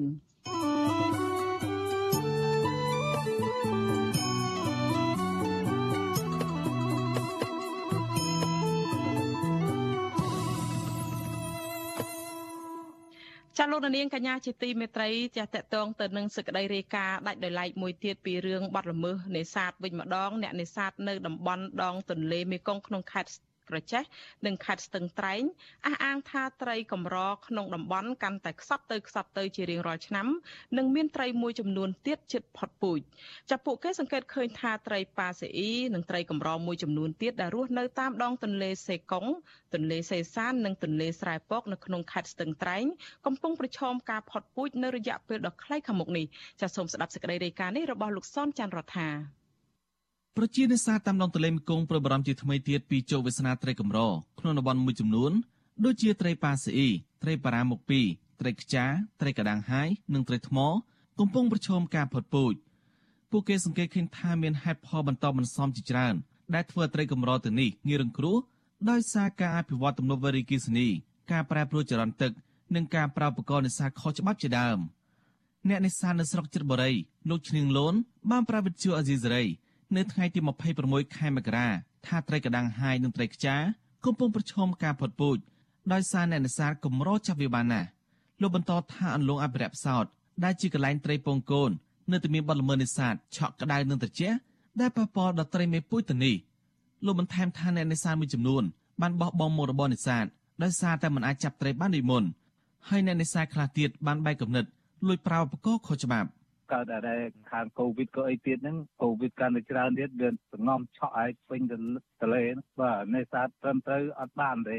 អ្នកអូនឹងនឹងរែងសទូចនឹងមងបងសណាញ់អីហ្នឹងបានតិចតួចគេមិនទាំងរវល់មិនទាំងគិតគូផងនិយាយដល់ថាបិទអ្នកឆក់អាហ្នឹងបានអស់បានរចែកគ្នារបានវិញអស់អ្នកឆក់ទេគឺនៅតែអញ្ចឹងប្រជានេសាទតាមដងទន្លេមេគង្គ នៅស្រុកសេសានខេត្តស្ទឹងត្រែងលោកសៀកខាន់ថ្លែងថាការពិវត្តតាមដងទន្លេរួមមានទំនប់វារីអគ្គិសនីពីប្រទេសវៀតណាមទំនប់វារីអគ្គិសនីសេសានក្រំ2និងទំនប់វារីអគ្គិសនីនៅប្រទេសឡាវគឺជាមូលហេតុបណ្ដាលឲ្យធនធានត្រីក្នុងអានទន្លេរងផលប៉ះពាល់ធ្ងន់ធ្ងរលោកបញ្ជាក់ថាទិន្នផលត្រីបានថយចុះរៀងរាល់ឆ្នាំហើយអ្នកនេសាទដែលទម្លាប់នេសាទលក្ខណៈគ្រួសារស្ទើរតែចាប់ត្រីលែងបាននិងប៉ះពាល់ដល់ជីវភាពប្រចាំថ្ងៃលោកបន្តទៀតថាចាប់ពីចុងខែវិច្ឆិកាដល់ខែមករានេះ គឺរដូវសម្បូរត្រីប៉ាស៊ីអ៊ីត្រីក្អែកនិងត្រីប៉ាវ៉ាក៏ប៉ុន្តែឆ្នាំនេះអ្នកនេសាទភេកច្រើនមិនអាចចាប់ត្រីទាំងនេះបានដូចឆ្នាំមុនមុននោះទេត្រីពីមុនអាចស្បោខ្លះបងឥឡូវគេរកអីថាអាចចុះថយខ្លះឲ្យបងឥឡូវអត់ដូចពីមុនទេប៉ាវ៉ាប៉ាស៊ីឥឡូវអត់អត់មានដូចពីមុនទេបងឥឡូវកម្រមានឥឡូវមិនថាកម្រទេប៉ាស៊ីអត់អត់មានទេឥឡូវវិទ្យុអាស៊ីសេរីមិនតតែតតងសុំការបំភ្លឺរឿងនេះពីនាយខរដ្ឋបាលជលផលខេត្តស្ទឹងត្រែងលោកទុំនីរ៉ូបានឡើយទេ នៅថ្ងៃទី26ខែមករាដោយទូរស័ព្ទហៅចូលច្រានដងតែគ្មានអ្នកលើកចំណែកនៅប្រធានរដ្ឋបាលជលផលខេត្តក្រចេះនិងជាឆ្មាំទន្លេលោកមុកពន្លងបដិសេធមិនបំភ្លឺរឿងនេះដោយលោកថាកំពុងចោះរវល់ប្រជានេសាទអះអាងថាឧបករណ៍ឆក់ត្រីបែបត្រជាក់ត្រូវបានជលមើប្រើប្រាស់បង្កប់នៅក្រោមទូកបណ្ដែតតាមទន្លេដែលមានលទ្ធភាពអាចឆក់ត្រីរំអិលនិងត្រីសកាមានជម្រៅពី30ម៉ែត្រដល់40ម៉ែត្រហើយអ្នកអង្គុយលើទូកមានកាតព្វកិច្ចដងត្រីដាក់ទូក ជុំវិញរឿងនេះនាយកប្រតិបត្តិអង្គការម្ដាយការពារទន្លេ3លោកលៀមមលៀមមានប្រសាសន៍ថាការប្រើឧបករណ៍នេសាទខុសច្បាប់ដូចជាការបោកក្របែកការប្រើចរន្តគិសនីឆក់ត្រីនៅឧបករណ៍ដាក់របាំងរាំងព្រួលឬក៏អូនរាំងខ្ទប់អូទន្លេក៏ជាប្រភពបំបត្តិពូជត្រីកម្រក្នុងតំបន់លោកបញ្យល់ថាការសង់ទំនប់វារីអគ្គិសនីបើខ្ទប់ទន្លេធ្វើប្រែប្រួលចរន្តទឹកនិងគុណភាពទឹកទន្លេល្អក់រួមមានការប្រើប្រាស់សារធាតុគីមីក្នុងទន្លេធ្វើប៉ះពាល់ដល់ចម្រុកត្រីពងកូនប្រការទៅនេះ បណ្ដាត្រីប៉ាស៊ីអ៊ីនិងត្រីប៉ាវ៉ាដែលជាប្រភេទត្រីកម្រត្រូវផុតពូជដោយសារបរិស្ថានទន្លេមិនអំណោយផលសម្រាប់ការរកចំណីនៅបន្តពូជរបស់វា។ ព្រោះបើសិនជាការទប់ស្កាត់បលល្មើសនេសាទនៅរដូវត្រីពើត្រីពងអត់បានទេបណ្ដាលទិន្នផលត្រីកាន់តែថយទៅថយទៅពីពួកមេត្រីពូត្រូវបានចាប់គេវាអំឡាស់ទីនៅរដូវត្រីពងទាំងអស់លីងអាញាធរគ្រប់លំដាប់ថ្នាក់ទាំងប្រជានេសាទរួមគ្នារកវិធីទប់ស្កាត់បលល្មើសផ្សេងផ្សេងទើបទិន្នផលត្រីនឹងវាមានដំណើរការវាបាត់បង់ខ្លះដោយសារកម្រិតច្រើនមែនវានៅតែមានបន្តកើតមានជារហូតលោកលៀមមលៀបបន្ថែមថារដ្ឋាភិបាលនិងប្រជាសហគមន៍ គួរតែមួយមតិគ្នាអភិរក្សតំបន់ណាមួយជាក់លាក់ដើម្បីធានាពីការបង្កកំណើតរបស់ត្រីប្រភេទនេះលោកថាទលេសេសាននិងទលេស្រែពកដែលជាចំណោរនៅរបស់ត្រីប្រភេទនេះនឹងមានហានិភ័យខ្ពស់ដោយសារមានទំនប់វេរីគីសនីខ្ញុំសនចាររថាវិទ្យុអាស៊ីសេរីរាយការណ៍ពីរដ្ឋធានីវ៉ាស៊ីនតោន ចាលោកនាងកញ្ញាជាទីមេត្រីលោកនាងកំពុងស្ដាប់នឹងទស្សនាការផ្សាយរបស់វិទ្យុអាស៊ីសេរីផ្សាយចេញពីរដ្ឋធានី Washington នៃសហរដ្ឋអាមេរិកអង្គការជាតិនិងអន្តរជាតិដែលឃ្លាំមើលអំពើពុករលួយនៅតែរកឃើញថាមកដល់ពេលនេះកម្ពុជានៅតែជាប់លេខរៀងបាតតារាងនៅឡើយខាងប្រព្រឹត្តអំពើពុករលួយដែលអាក្រក់ជាងគេនៅក្នុងតំបន់អាស៊ានសង្គមស៊ីវិលព្រួយបារម្ភថាប្រសិនបើកម្ពុជានៅតែបន្តជាប់ឈ្មោះមិនល្អខាងប្រព្រឹត្តអំពើពុករលួយបន្តទៀតនោះបញ្ហានេះនឹងក្លាយទៅជាឧបសគ្គធំប៉ះពាល់ដល់ការរស់នៅរបស់ពលរដ្ឋនិងការអភិវឌ្ឍសង្គមជាតិតើអំពើពុករលួយនាពេលដំណាក់កាលចុងក្រោយនេះមានស្ថានភាពបែបណាហើយតើវាចាក់ឬជ្រៅបែបណានៅក្នុងសង្គមកម្ពុជានោះចាសសូមលោកនាងរងចាំទស្សនាកិច្ចសម្ភាសមួយរបស់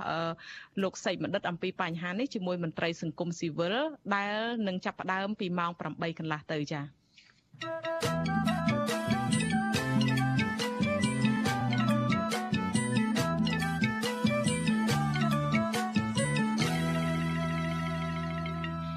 ចាលោកនាងកញ្ញាជាទីមេត្រីរដ្ឋប្រហារទម្លាក់សម្ដេចក្រមព្រះនរោត្តមរណរដ្ឋចេញពីនាយករដ្ឋមន្ត្រីទី1កាលពី25ឆ្នាំមុនបានធ្វើឲ្យមន្ត្រីជាន់ខ្ពស់របស់គណៈបកហ្វុនស៊ិនប៉ិចជាច្រើនអ្នកត្រូវបានគេបាញ់សម្លាប់ក្នុងនោះមានទាំងលោកហូសុកជារដ្ឋលេខាធិការក្រសួងមហាផ្ទៃផងអតីតមន្ត្រីជាន់ខ្ពស់នគរបាលជាតិនិងជាអតីតមន្ត្រីជាន់ខ្ពស់គណៈបកហ្វុនស៊ិនប៉ិចម្នាក់អះអាងថាការបាញ់សម្លាប់លោកហូសុករដ្ឋលេខាធិការក្រសួងមហាផ្ទៃ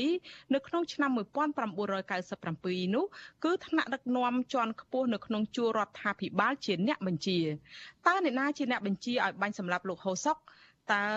លោកដឹងរឿងឃាតកម្មនេះដោយរបៀបណាចាសសូមលោករនាងស្ដាប់បទសម្ភាសន៍មួយរបស់លោកជុនច័ន្ទបុតចាដែល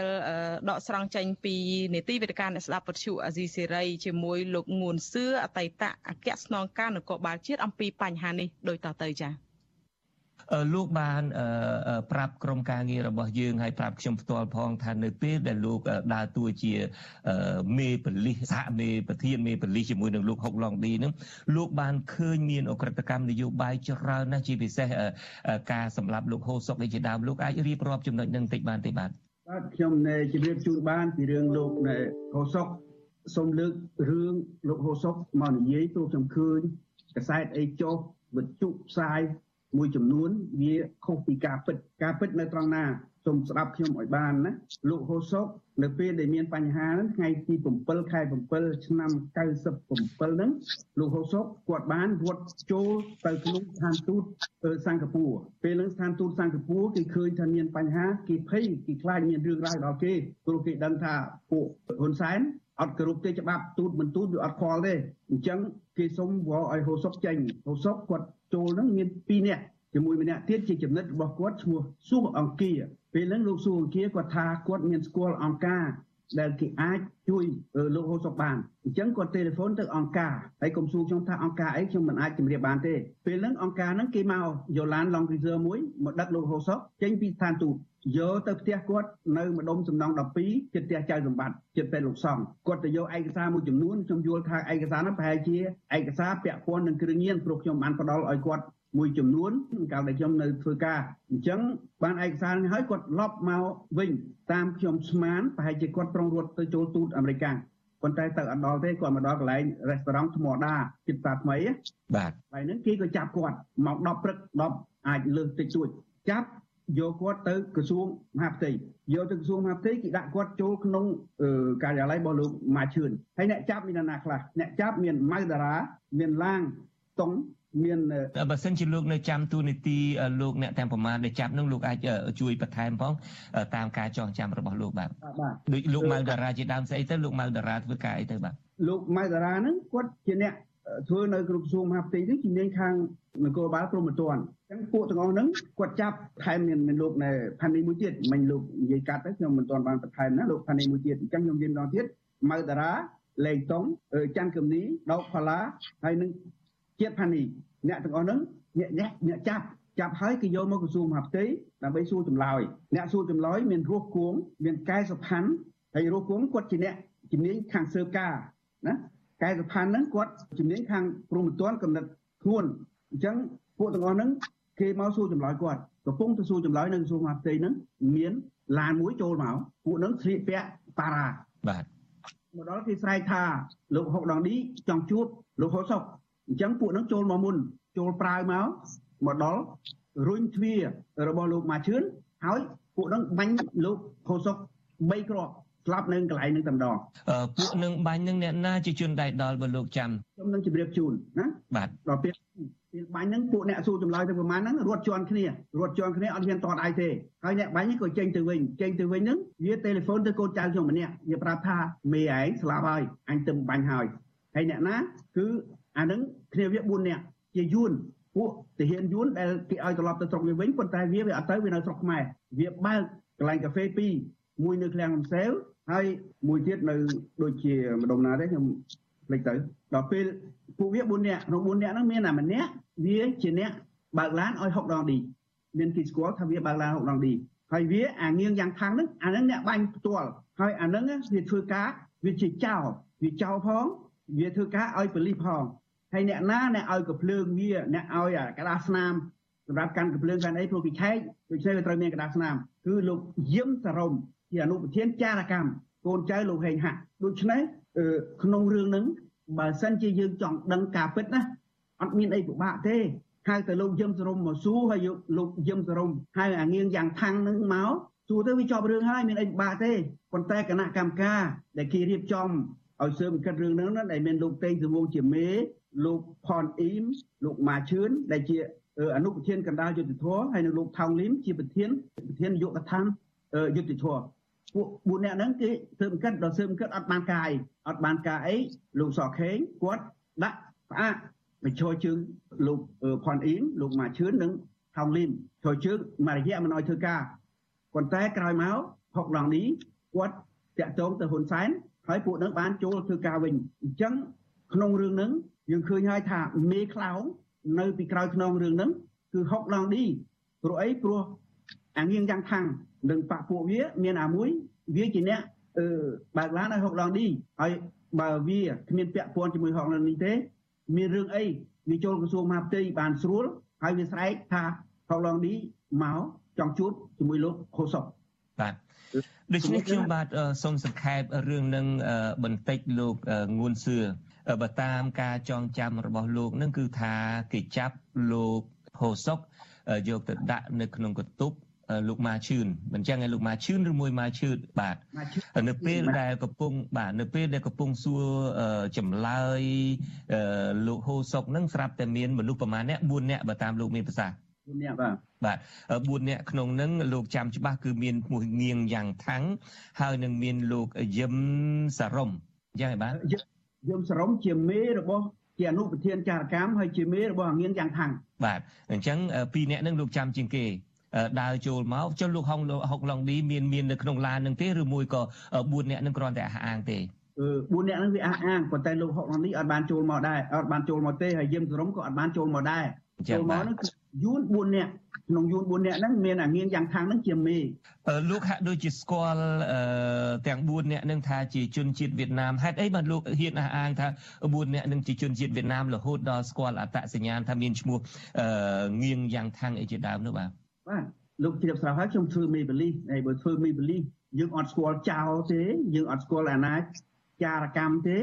យើងធ្វើបលីមិនបាន ណាបាទប៉ុន្តែខ្ញុំចង់ជម្រាបថាពេលនោះពេលនោះអញ្ចឹងរឿងលោកហូសុកលោកហូសុក ចប់ហើយណាអត់មានអីថែមទៀតទេខ្ញុំខ្ញុំខ្ញុំនៅមានសំណួរមួយទៀតបើតាមដែលខ្ញុំសម្ភាសលោកលើកមុនលោកមានប្រសាសន៍ថាលោកបានដឹងអំពីអ្វីដែលលោកហ៊ុនសែនត្រៀមនឹងធ្វើកគណៈបកហ្វុនស៊ិនពេចដូច្នេះហើយបានជាលោកព្យាយាមបន្ថយអធិបុលគណៈបកហ្វុនស៊ិនពេចដើម្បីកុំឲ្យប្រឈមមុខគ្នាជាមួយនឹងលោកហ៊ុនសែនដើម្បីកុំឲ្យបាត់បង់ជីវិតនឹងច្រើនខ្ញុំសង្ខេបការពិភាក្សាអំពីលើកមុនត្រង់ចំណុចនឹងត្រូវទេលោកងួនសឿបាទជាការពិតជាការពិតលោកជួនច័ន្ទបាទបើសិនជាអានឹងជាការពិតដូច្នេះពេលនោះឯងលោកប្រកាសជាដឹងសាច់រឿងច្រើនហើយកំពុងតែក៏មានសម្ព័ន្ធភាពរួចមកហើយពីលោកបាទជាមួយលោកហ៊ុនសែនរួចមកហើយដែលលោកបានដឹងរឿងអីផ្ទៃក្នុងឯរហូតដល់លោកអាចមកព្រមានជួយការពារគណៈបកហ្វុនស៊ិនពេចផង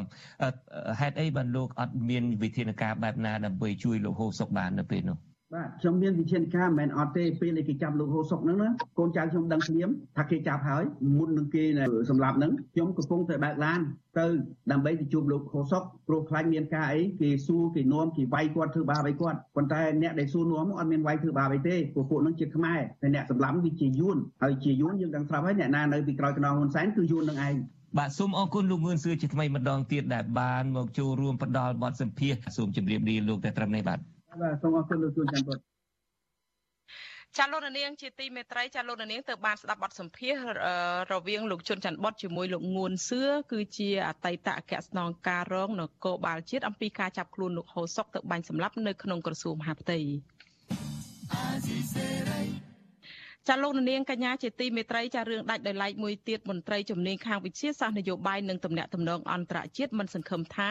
មេដឹកនាំរដ្ឋប្រហារយោធាមីយ៉ាន់ម៉ាឬភូមាលោកមិនអងឡាំង អនុវត្តតាមសំណើរបស់លោកនាយករដ្ឋមន្ត្រីហ៊ុនសែនទាំង4ចំណុចនោះឡើយអ្នកជំនាញវិទ្យាសាស្ត្រនយោបាយលោកអែមសវណ្ណារាឲ្យដឹងនៅថ្ងៃទី26មករាថារដ្ឋាភិបាលកម្ពុជាចរចាជាមួយថ្នាក់ដឹកនាំរដ្ឋប្រហារមីយ៉ាន់ម៉ាតែម្ខាងមិនមានភាគីខាងរដ្ឋាភិបាលស៊ីវិលចូលនោះគឺមិនអាចរកដំណោះស្រាយវិបត្តិនៅមីយ៉ាន់ម៉ាបានឡើយលោកបញ្ជាក់ថាបញ្ហានេះគឺចំនួនផ្ទៃក្នុង នៅតែបន្តហើយក្រមយោធានៅតែបាញ់សម្លាប់ អ្នកប្រឆាំងខ្លួនដដែល។ទីមួយគាត់ចង់ស្ដារនៅគេហៅថាការងារដែលធ្វើកន្លងមកដែលមានការរិះគន់ពីសមាជិកអាស៊ានដទៃទៀតឧទាហរណ៍ដំណើរជំហានបឋមពីកន្លងនយោបាយការបរទេសរបស់លោកនៅក្នុងការទៅទស្សនកិច្ចនៅក្នុងភូមិជាថាថាផ្លូវរដ្ឋនៅសហភាពមីយ៉ាន់ម៉ាហ្នឹងក៏នៅក្នុងក្របខ័ណ្ឌជាប្រធានអាស៊ានដែរប៉ុន្តែត្រូវបានការរិះគន់ពីរដ្ឋមន្ត្រីការបរទេសម៉ាឡេស៊ីឬក៏មានការរិះគន់ពីសមាជិកអាស៊ានដទៃទៀតខ្លាំងក្លាដូច្នេះហើយគាត់ចង់យកស្ដារកិច្ចការរបស់គាត់ហ្នឹងកុំឲ្យថាវាការងារហ្នឹងដើរទៅខាត់ជើងទៅទេដែរ ចាការលើកឡើងរបស់អ្នកជំនាញខាងវិទ្យាសាស្ត្រនយោបាយនិងកិច្ចការអន្តរជាតិនេះគឺនៅបន្ទាប់ពីលោកនាយករដ្ឋមន្ត្រីហ៊ុនសែនបានសន្ទនាតាមប្រព័ន្ធវីដេអូជាមួយលោកមីនអងឡាំងនៅថ្ងៃទី26ខែមករានេះរដ្ឋមន្ត្រីប្រតិភូអមនាយករដ្ឋមន្ត្រីលោកកៅកំហួនថ្លែងប្រាប់ក្រុមអ្នកសារព័ត៌មានក្រោយពីជំនួបតាមប្រព័ន្ធវីដេអូរវាងលោកហ៊ុនសែននិងមេដឹកនាំរដ្ឋប្រហារភូមាលោកមីនអងឡាំងថាលោកហ៊ុនសែនបានអំពាវនាវទៅ មេដឹកនាំរដ្ឋប្រហាររូបនេះ4ចំណុចចំណុចទាំង4នោះរួមមានដូចជាស្នើឲ្យមេដឹកនាំរដ្ឋប្រហារអនុវត្តឲ្យបាន តាមគោលការណ៍ទាំង5ចំណុចរបស់អាស៊ាន ស្នើឲ្យបង្កលក្ខណៈល្អឲ្យប្រិសិទ្ធពិសេសចូលទៅទស្សនាទស្សនកិច្ចនៅមីយ៉ាន់ម៉ាត្រូវបញ្ឈប់នៅរាល់អំពើហិង្សាត្រូវផ្ដល់ការសហការជាមួយបណ្ដាប្រទេសជាសមាជិកក្នុងការផ្ដល់ជំនួយមនុស្សធម៌ដល់ប្រជាពលរដ្ឋមីយ៉ាន់ម៉ានេះមិនមែនជាលើកទី1ទេដែលលោកនាយករដ្ឋមន្ត្រីហ៊ុនសែនស្នើទៅលោកមីនអងលៀងឲ្យអនុវត្តគោលការណ៍4ចំណុចដោយដែលលោកបានស្នើឡើងនេះ។ នៅក្នុងដំណើរទស្សនកិច្ចដ៏ចម្រូងចម្រាសរបស់លោកនាយករដ្ឋមន្ត្រីហ៊ុនសែនទៅប្រទេស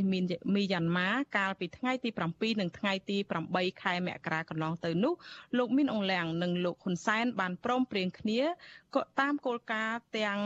នេះម្ដងរួចមកហើយប៉ុន្តែក្រោយមកលោកហ៊ុនសែនវិលត្រឡប់មកកម្ពុជាវិញមិនបានស្រួលបួលផងក្រមយោធាមីយ៉ាន់ម៉ាបានទម្លាក់គ្រាប់សម្លាប់ពលរដ្ឋស៊ីវិលភូមាដដែល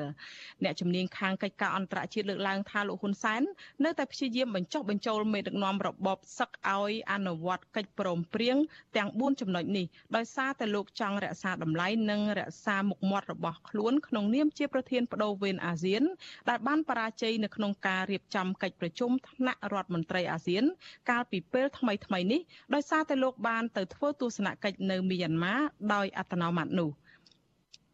រដ្ឋមន្ត្រីការបរទេសម៉ាឡេស៊ីថាលោកហ៊ុនសែនទៅធ្វើទស្សនកិច្ចនៅភូមិនេះគួរតែពិភាក្សាគ្នាជាមួយថ្នាក់ដឹកនាំអាស៊ានជាមុនសិនលោកបានចាត់ទុកដំណើរទស្សនកិច្ចនេះថាមិនមែនតំណាងឲ្យអាស៊ាននោះឡើយលោកហ៊ុនសែនបានសន្ទនាជាមួយលោកមីនអងលៀងនេះគឺនៅក្រៅពេលដែលលោកបានជួបមេដឹកនាំមេដឹកនាំម៉ាឡេស៊ីនិងឥណ្ឌូនេស៊ី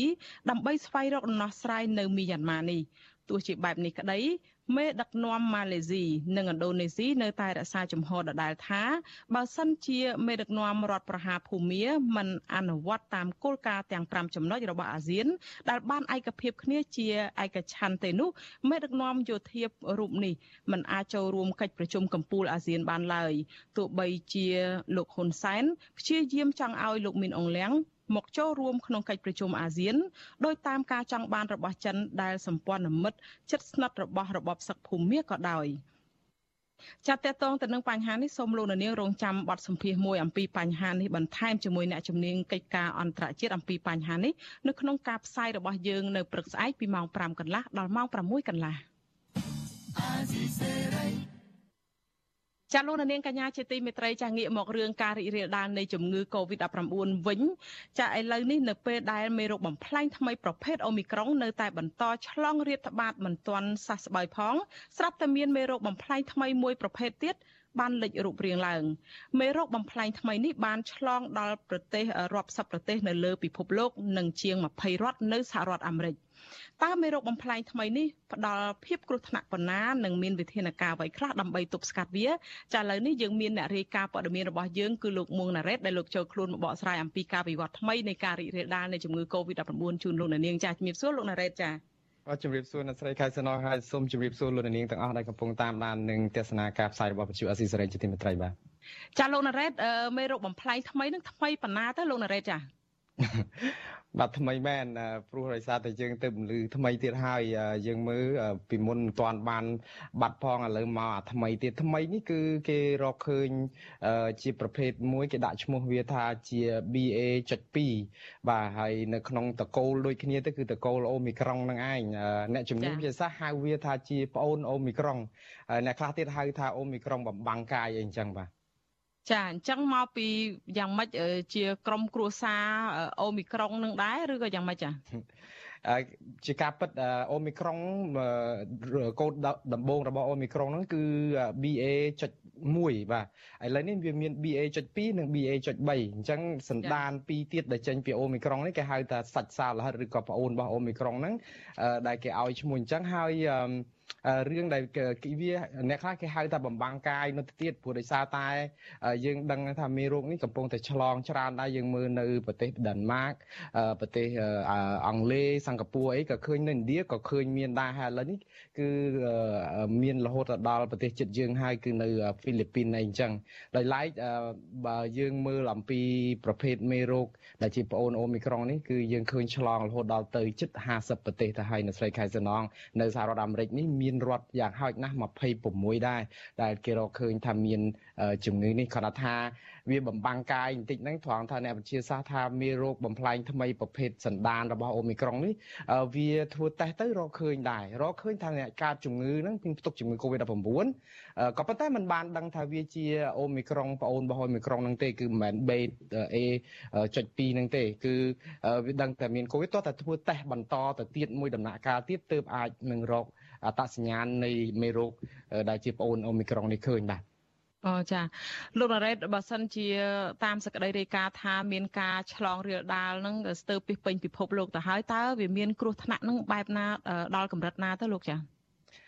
បាទនេះគឺជារឿងសំខាន់ដែរជាទូទៅឲ្យតែមានមេរោគបំផ្លាញថ្មីអង្គការសុខភាពពិភពលោកតែងតែចាត់ចំណាត់ថ្នាក់នៃមេរោគនោះដើម្បីឲ្យមានការប្រយ័ត្នប្រយែងប៉ុន្តែមកដល់ពេលនេះ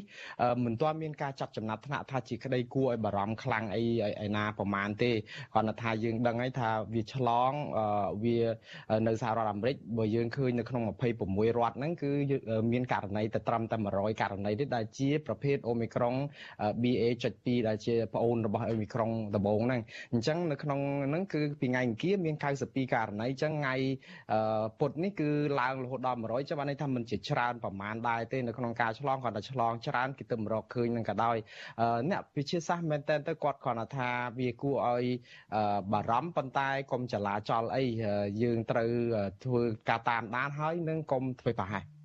ចាអញ្ចឹងកុំធ្វើប្រហែសតើយើងត្រូវធ្វើការប្រយ័ត្នប្រយែងអីយ៉ាងម៉េចទៅដែរលោកណារ៉េតរឿងនេះគោលការណ៍ការពារខ្លួនមានដដែលទេអ្នកស្រីខែសំណងដូចជាមួយនឹងអូមីក្រុងអញ្ចឹងអ្វីដែលសំខាន់បំផុតគឺចាក់វ៉ាក់សាំងដូសជំរុញឲ្យបានលឿនតាមដែលអាចធ្វើទៅបាន មួយទៀតគឺយើងឃើញហើយវ៉ាក់សាំងជំរុញវ៉ាក់សាំងអីនៅលើពិភពលោកកំពុងតែមានផុសផុលហើយហើយវាអាចជួយការពារទប់កុំឲ្យឈឺធ្ងន់នឹងចូលសម្រាប់នៅមន្ទីរពេទ្យដែរបើសិនជាឆ្លងបាទ ចាប៉ុន្តែលោកណារ៉េតលើកឡើងនឹងថាយ៉ាងម៉េចចុះបើដូចនៅសហរដ្ឋអាមេរិកចឹងនៅតែមានអ្នកស្លាប់អីច្រើនហើយដូចម្សិលមិញចឹងដល់តែជាង2600អ្នកអីចឹងចា មិនភ្ញាក់ផ្អើលទេនៅសហរដ្ឋអាមេរិកនេះអ្នកស្រីខែសំណងការស្លាប់នៅតែជាង1000នាក់ហើយម្សិលមិញ2600នាក់ជាងហ្នឹងគឺជាការត្រឹមត្រូវឆ្លងជាងកន្លះលាននាក់ការស្លាប់នេះគឺដោយសារតែប្រជាពលរដ្ឋអាមេរិកកាំងជាច្រើននៅតែមិនទាន់បានចាក់វ៉ាក់សាំងគ្រប់ដូសទេហើយមិនចាក់តែម្ដងគឺយើងឃើញហើយ334លាននាក់ហ្នឹងចាក់បានតែត្រឹមជាង200 210លាននាក់តែប៉ុណ្ណឹងអញ្ចឹងចាក់បានតែ64%តែប៉ុណ្ណឹងនៅសល់ច្រើនហើយអ្នកជំងឺភាគច្រើនសុទ្ធតែជាចាស់ជរាហើយមានជំងឺរ៉ាំរ៉ៃប្រចាំកាយផងដូច្នេះនេះហើយគឺជាកត្តាដែលធ្វើឲ្យពួកគាត់ស្លាប់ច្រើនបាទចាតែយ៉ាងណានេះខ្ញុំសូមអរគុណច្រើនលោកមុងណារ៉េតដែលលោកតែងតែស្វែងរកព័ត៌មានថ្មីយកមកជម្រាបជូនលោកនាងពីការវិវត្តថ្មីថ្មីនៃការរីករាលដាលនៃជំងឺ Covid-19 ហើយយើងនឹងជួបគ្នានៅពេលក្រោយទៀតចាសូមអរគុណចាសូមជំរាបលាអរគុណបាទសូមជំរាបលា ចាលោកនាងកញ្ញាជាទីមេត្រីចានៅពេល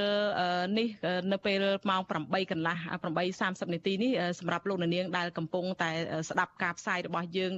នៅលើវិទ្យុរលកធាតុអាកាសខ្លីឬ shortwave នឹងមិនលឺការផ្សាយរបស់យើងទៀតទេប៉ុន្តែលោកអ្នកដែលកំពុងតែទស្សនាការផ្សាយរបស់យើងលើបណ្ដាញសង្គម Facebook និង YouTube សូមលោកនាងនៅបន្តជាមួយយើងបន្តិចទៀតចាស់ហើយនៅពេលបន្តិចទៀតនេះយើងនឹងមានអឺ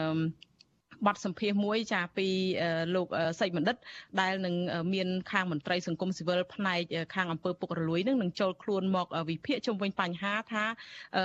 អង្គការជាតិនិងអន្តរជាតិដែលឃ្លាំមើលបញ្ហាអង្គើពុករលួយនឹងនៅតែមើលឃើញថាកម្ពុជានឹងស្ថិតនៅក្នុងចំណាត់ថ្នាក់បាតតារាងនៅឡើយដែលថាខាងប្រព្រឹត្តអង្គើពុករលួយដែលអាក្រក់ជាងគេនៅក្នុងតំបន់អាស៊ាននោះដូច្នេះសូមលោកនាងនៅរងចាំទស្សនាកិច្ចពិភាក្សារបស់លោកសីមដិតនៅពេលបន្តិចទៀតនេះចាហើយសម្រាប់ពេលនេះនាងខ្ញុំខែសំណងសូមអរគុណនិងសូមជម្រាបលាហើយសូមប្រគល់នេតិនេះដែលនិយាយអំពីបញ្ហាអំពើពុករលួយនេះជូនទៅលោកសេងមនិតជាអ្នកសម្របសម្រួលបន្តចា៎